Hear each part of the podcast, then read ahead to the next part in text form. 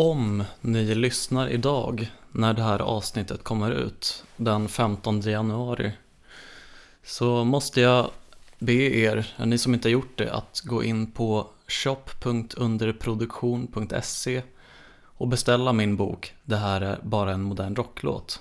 För det är sista chansen idag. Vem vet när den går i tryck igen? Annars har jag nog inte så mycket mer att säga innan jag börjar.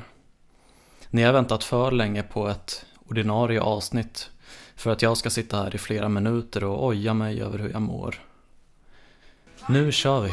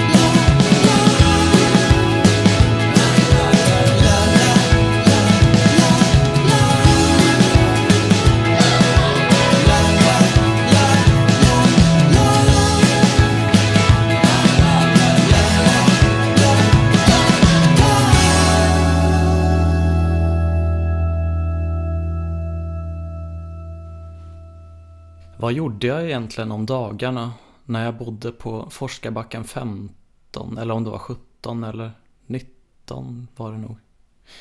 Jobba. Å ena sidan och andra sidan för visserligen var jag ju anställd. Det finns det skriftligt bevis på.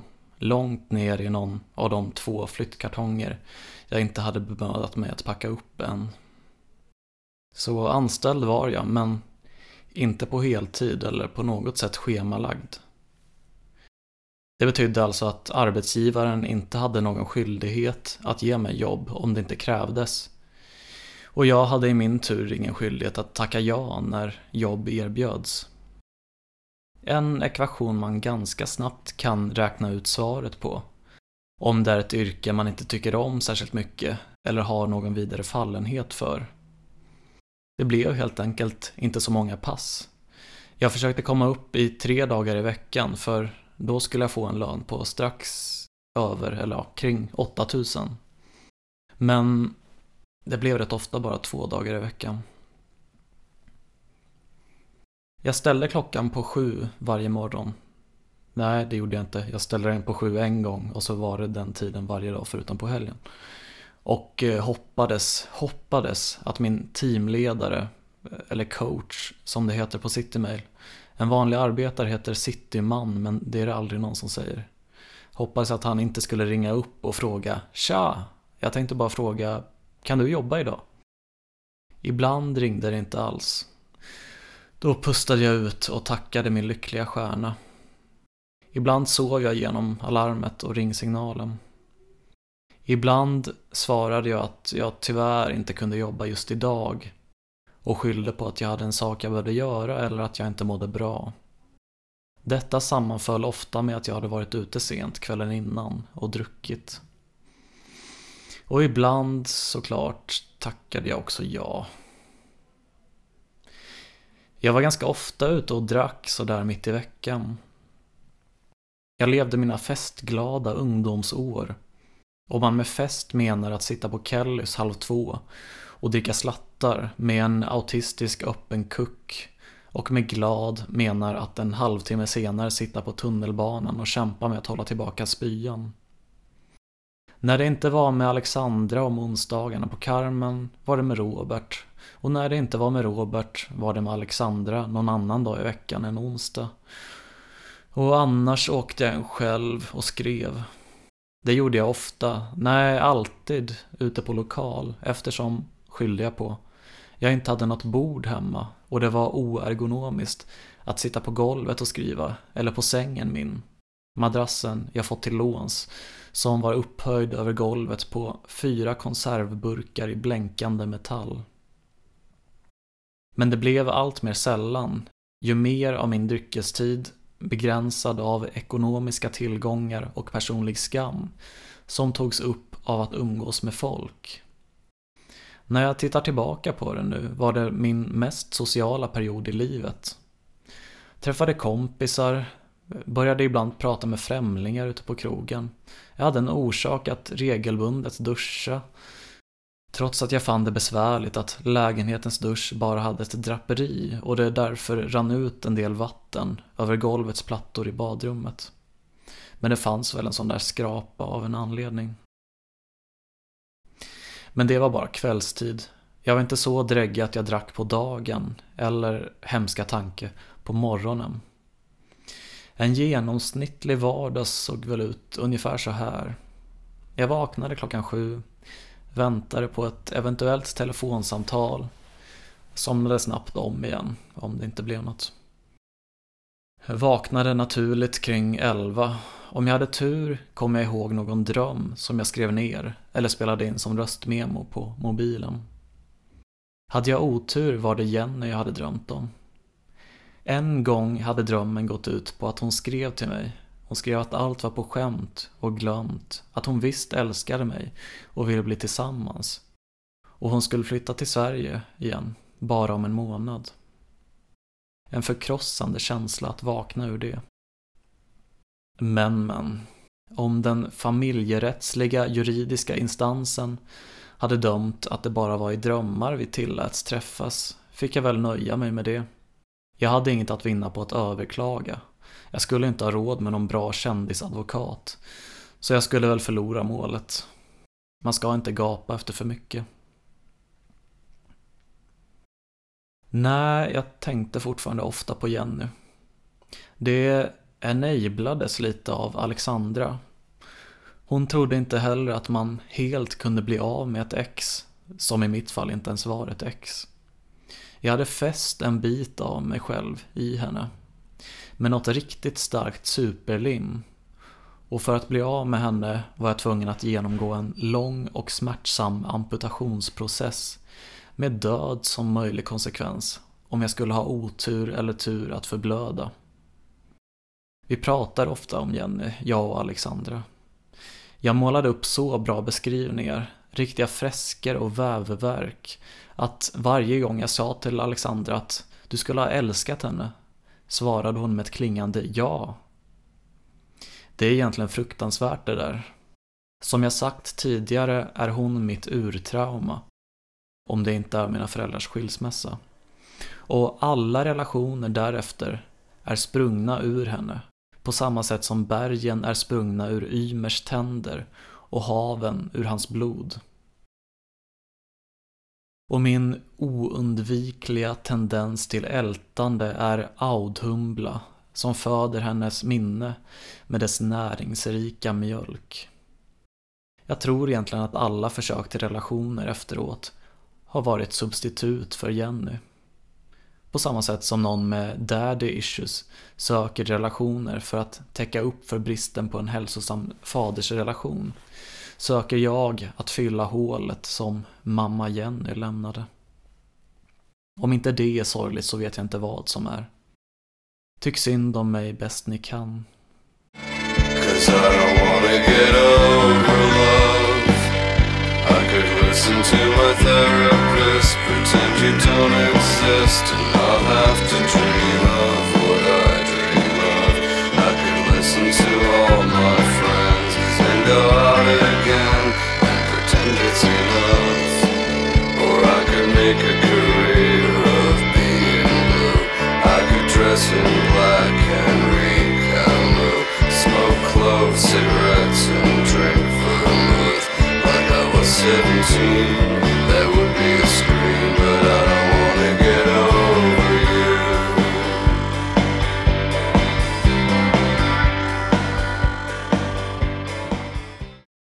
Hade jag något hemma att äta till frukost åt jag det. Annars blev jag utan. Jag kunde ibland få en ordentlig värk i magen av konserten, så, så ibland gick jag ner till ICA Lappis och köpte ett sexpack Delicatobollar och en laktosfri Valio-kvarg av valfri smak. Men ibland gick jag tommagad om jag var på ett tillräckligt lättjefullt humör. Jag kunde stå ut med skiten när jag var ledig och hemma vid och kunde ligga i en säng. Värre hade det varit på jobbet. Sedan gav jag mig hän åt den pinsamma ovanan av webbläsarspel i genren idle games. Kan kokas ner till att man gör en sak, väntar någon timme på att verkningen av det man gjort ska tillåta en att göra nästa sak och så fortsätter det så. Ett oändligt slöseri med tid, men det kan ge en små regelbundna saker att se fram emot, så det fyller väl sin funktion. Jag började spela ett vid namn Kittens Game, ganska samtida med, eller strax efter att jag lärde känna Jenny. Sen, efter att jag kom hem från England, återupptog jag det gamla klassiska Cookie Clicker.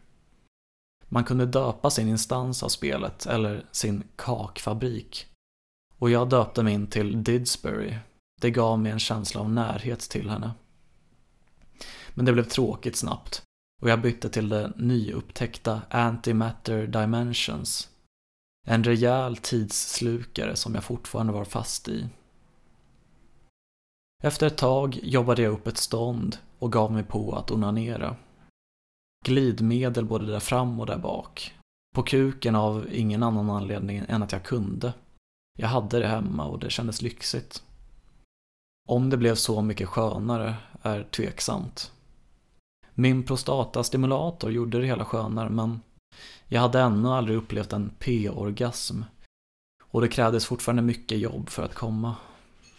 Lakanen blev rejält svettiga, om jag säger så.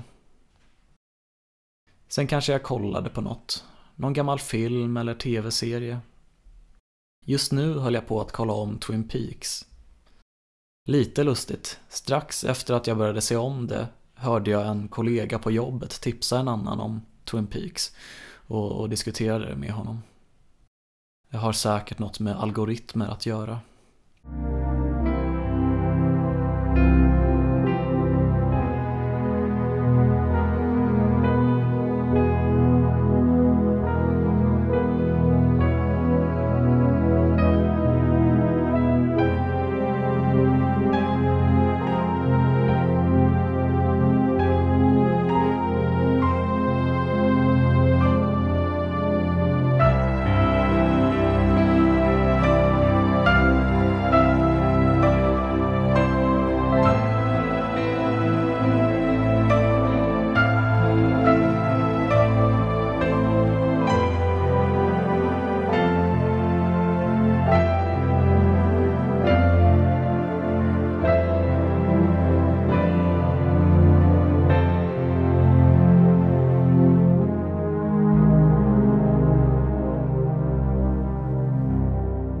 Och så blev det så småningom dags för kvällsmat.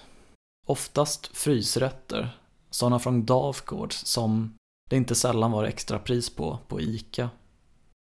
Eller fryspizzor, men med dem störde jag mig som fan på att jag inte hade en vanlig, utan bara en mikrovågsugn.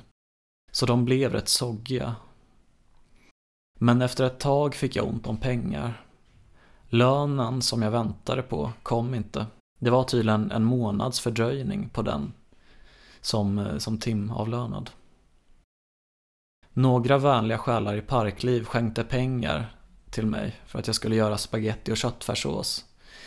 De tyckte att jag skulle göra lite riktig mat, att jag skulle brassa mitt eget käk för fan. Så det swishades små slantar i utbyte mot att jag skulle livestreama det hela. Parkliv ställde upp återigen. Även om den här crowdfundingen var långt från lika spektakulär som den för rummet på First Hotel. Jag köpte råvarorna och jag sände live när jag lagade. Folk gapskrattade i kommentarerna åt hur jag skar löken, fast jag förstod inte varför det var så roligt.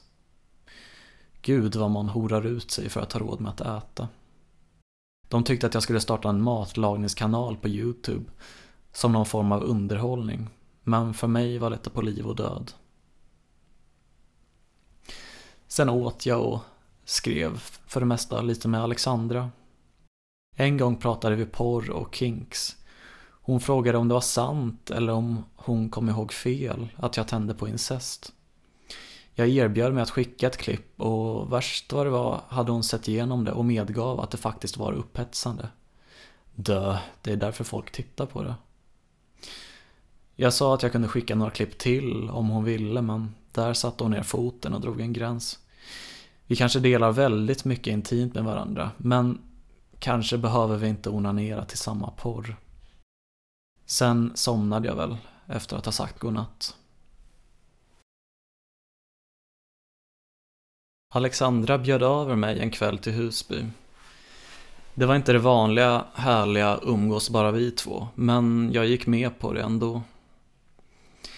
Faktum är att det inte alls var särskilt mycket jag tyckte om den här kvällen. Dels skulle Joel vara med, vars sällskap jag inte direkt njöt av. Rumskamraten Filippa också. Henne hade jag svårt för på ett annat sätt. Jag fick intrycket av att hon var för PK, på ett jobbigt vis. Inte så där ängslig som medelklassen i stan tenderar att vara. Det kan jag stå ut med, utan mer pekpinne-korrekt. Hade jag varit en högertönt på internet skulle jag kallat henne för social justice warrior. Vilket i och för sig är ett passande uttryck men det ger lite felaktiga associationer till grumliga intentioner. Jag använder det i och för sig inte helt utan värdering men folk kan väl dra sina egna slutsatser. Vissa kommer tänka “Gud vilken skön person” andra kommer vara lite mer skeptiska. Så är det alltid. Jag kom dit, Alexandra slängde ner nyckeln från fjärde våningen som vanligt. Och som vanligt lyckades jag inte fånga den utan letade febrilt i gräset. Hon gav mig en färdig Il Nostro och Fanta Exotic tinktur. Sen gick hon tillbaka till diskbänken och skar grönsaker till tacopajen som skulle lagas. Filippa stod också i köket. Vi hade aldrig pratat något vidare mycket förut, men vi hälsade och genast var Alexandra igång med att försöka få henne att tycka om mig. Hon var alltid väldigt mån om att alla skulle vara kompisar och komma väl överens och att jag skulle känna mig inkluderad i nya sociala grupperingar och sammanhang. Sättet hon gjorde detta på var dock inte det bästa alltid. Nu gick hon in för att vara min hype man och sa att jag hade en jättebra podd som hette Musikens makt. Jag tror inte riktigt på det där. Det framstår bara som skryt, även om det inte är jag själv som säger det. Intressant, svarade Filippa. Jag sa att den inte handlar om progg, trots att man skulle kunna tro det. Varför skulle man tro det? Men mitt i min förklaring framgick det att hon inte alls var välbekant med den gamla tidskriften. Har ni hört historien om MTM-systemet? Varje handgrepp mäts i tusendels sekunder sa han som står vid bandet Får jobba sig till döds så tvingar de jobbarna att jobba ännu mer Det har psykologerna hittat på med sin moderna forskning Med vetenskapens hjälp De närmar sig idealet för hur forskare bör vara Joel kom efter ett tag. Jag stod och pratade en stund med honom om något meme han hade skickat i en gruppchatt som jag faktiskt hade skrattat högt åt. Det behandlade den numera rätt inaktuella Anders Borg-skandalen och den lika inaktuella och i samtidens ljus svårförståeliga frasen “Dicks out for Harambe”. Men jag tappade respekten för dem när han braskade om att han starkt ogillade Borg. Så jävla fegt och töntigt när man några sekunder tidigare stått och skämtat om vilken king han är. Jag ville liksom krama om honom och säga att det är lugnt, jag förstår, här dömer ingen. Ingen förutom möjligen dina klasskompisar på musikhögskolan kommer tycka att du är en dålig människa för att det verkar som att du gillar mannen med den före detta hästsvansen. Man behöver inte gilla hans politik, det gör väl inte jag heller, men man får ändå medge att han är något av en king. Nästa punkt för kvällen såg jag inte fram emot direkt. Det var den andra av de saker som, om det inte hade varit för Alexandra, hade gjort att jag tackat nej. Ett Star Wars-brädspel. Feltolka mig inte här. Brädspel kan säkert vara jättekul. Inte för att jag skulle veta å ena sidan. Jag har aldrig haft tillräckligt med vänner för att ordna upp något sånt. Men Star Wars, vad fan är det? Återigen, tro inte att jag dissar det på grund av nördassociationen. Jag gillar Harry Potter, jag är ett superfan av Sagan om ringen, men Star Wars är ju bara tråkigt. Ren skit och allt som rör vid det blir också till skit. Jag har försökt få folk att visa mig vad som är bra med det, lära mig uppskatta franchisen. Men personen svarade bara med Du får acceptera att vi tycker om olika saker. En jävla cop-out och dumt. Om jag fick höra att någon inte gillade något jag älskar hade jag ändå försökt få dem att se vad jag uppskattar med det. Jag väntade mig inte att brädspelet skulle bli kul och det hade jag helt rätt i. Krångliga regler och inte mycket hände. En massa kartongbitar att hålla reda på och fördela på något sätt. Jag blev inte ens sådär upprörd på ett roligt sätt och engagerad när det gick dåligt för mig. Jag är ingen vinnarskalle. Sommaren efter Elias syster och till viss del även efter Jenny satt jag ofta och spelade Yatzy med min far om kvällarna när jag var där. Visst är det kul när det går bra men när jag såg ut att förlora blev jag bara tom och apatisk. Kastade tärningarna med så liten ansträngning som det bara gick så att de knappt ens rullade över duken på bordet. Jag föredrog nog ändå tvångs framför vanlig. Det är väl därför jag är marxist och inte liberal. Man kan mumla något bittert om staten när man står där i brödkön istället för att skylla sig själv för ens brist på framgång. Samma sak när jag gick i skolan.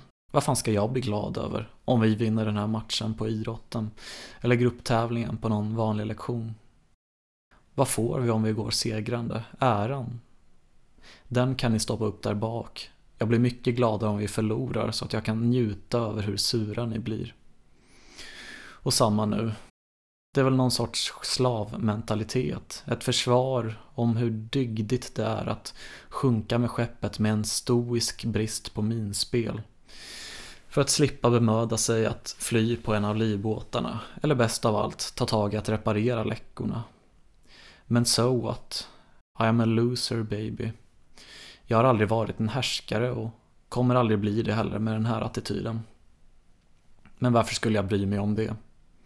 Jag trivs bäst här under korkeken istället för att tävla med de glada idioterna där borta. Jag är nöjd, intalar jag mig själv. Som tur var blev det en paus när pajen var färdig i ugnen. Jag hade inte pallat många minuter till. Väldigt gott. För att pigga upp mig själv frågade jag försiktigt om jag fick välja nästa låt. Jag satte på Higher Grounds av Cats on Fire. Filippa sa genast att det lät som en sämre version av The Smiths. Eller åtminstone att det lät som någon som försökte imitera Morrissey. Men allt var ju bättre än Morrissey, så hemska åsikter som han har. Jag bet mig i tungan för att inte låta undslippa vilken jävla tönt hon var.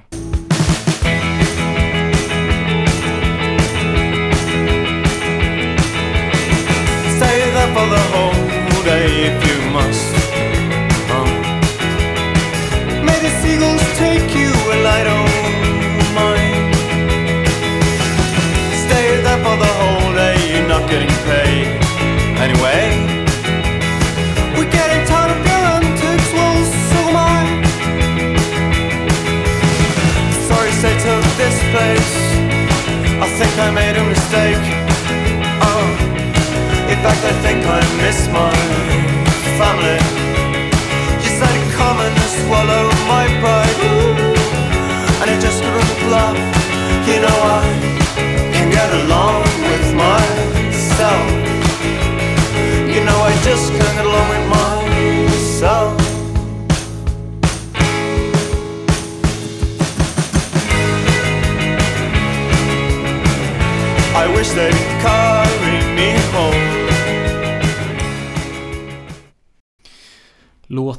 tilläts spelas till dess slut, men sen blev det ännu en paus, även från musiken.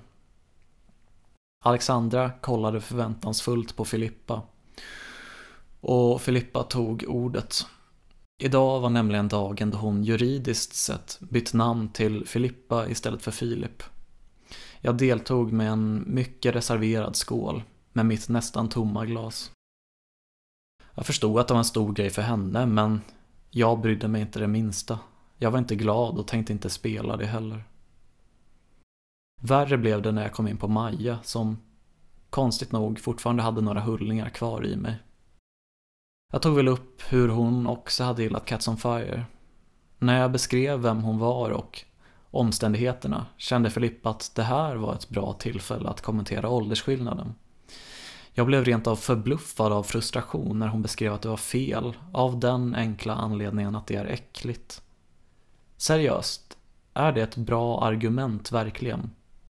Jag trodde att en hbtq-person om någon skulle fatta att det inte håller i rätten. Satans nymoralist. Hur hade hon mag att kritisera två myndiga personers fria val att ha ett par kärleksmöten? Joel var av någon anledning tvungen att åka hem. Kanske hade med hans diabetes att göra, kanske med plugget. Kanske var han bara trött och tänkte att om jag sover över här väntas jag vilja ha sex, men det orkar jag inte.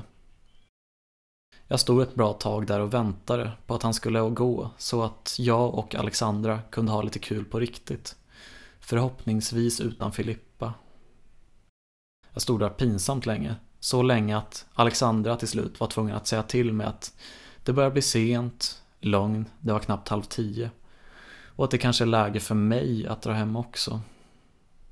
Jag kände mig dum och sur och packade ihop och stack iväg. Gav Alexandra en ovanligt kort kram innan jag stängde dörren efter mig. Tog trapporna istället för hissen för att kunna ta demonstrativt tunga steg och jag skyndade mig iväg till tuben. Skrev till Alexandra en liten ursäkt men att jag hade blivit besviken bara och dessutom var jag redan på dåligt humör efter bråket med Filippa. Vilket bråk? frågade hon. Jag uppfattade det bara som att ni diskuterade lite. Va? var hon både blind och döv. Hem och sov med dig nu. Det kan inte bli bra den här kvällen, oavsett vad jag gör eller skriver.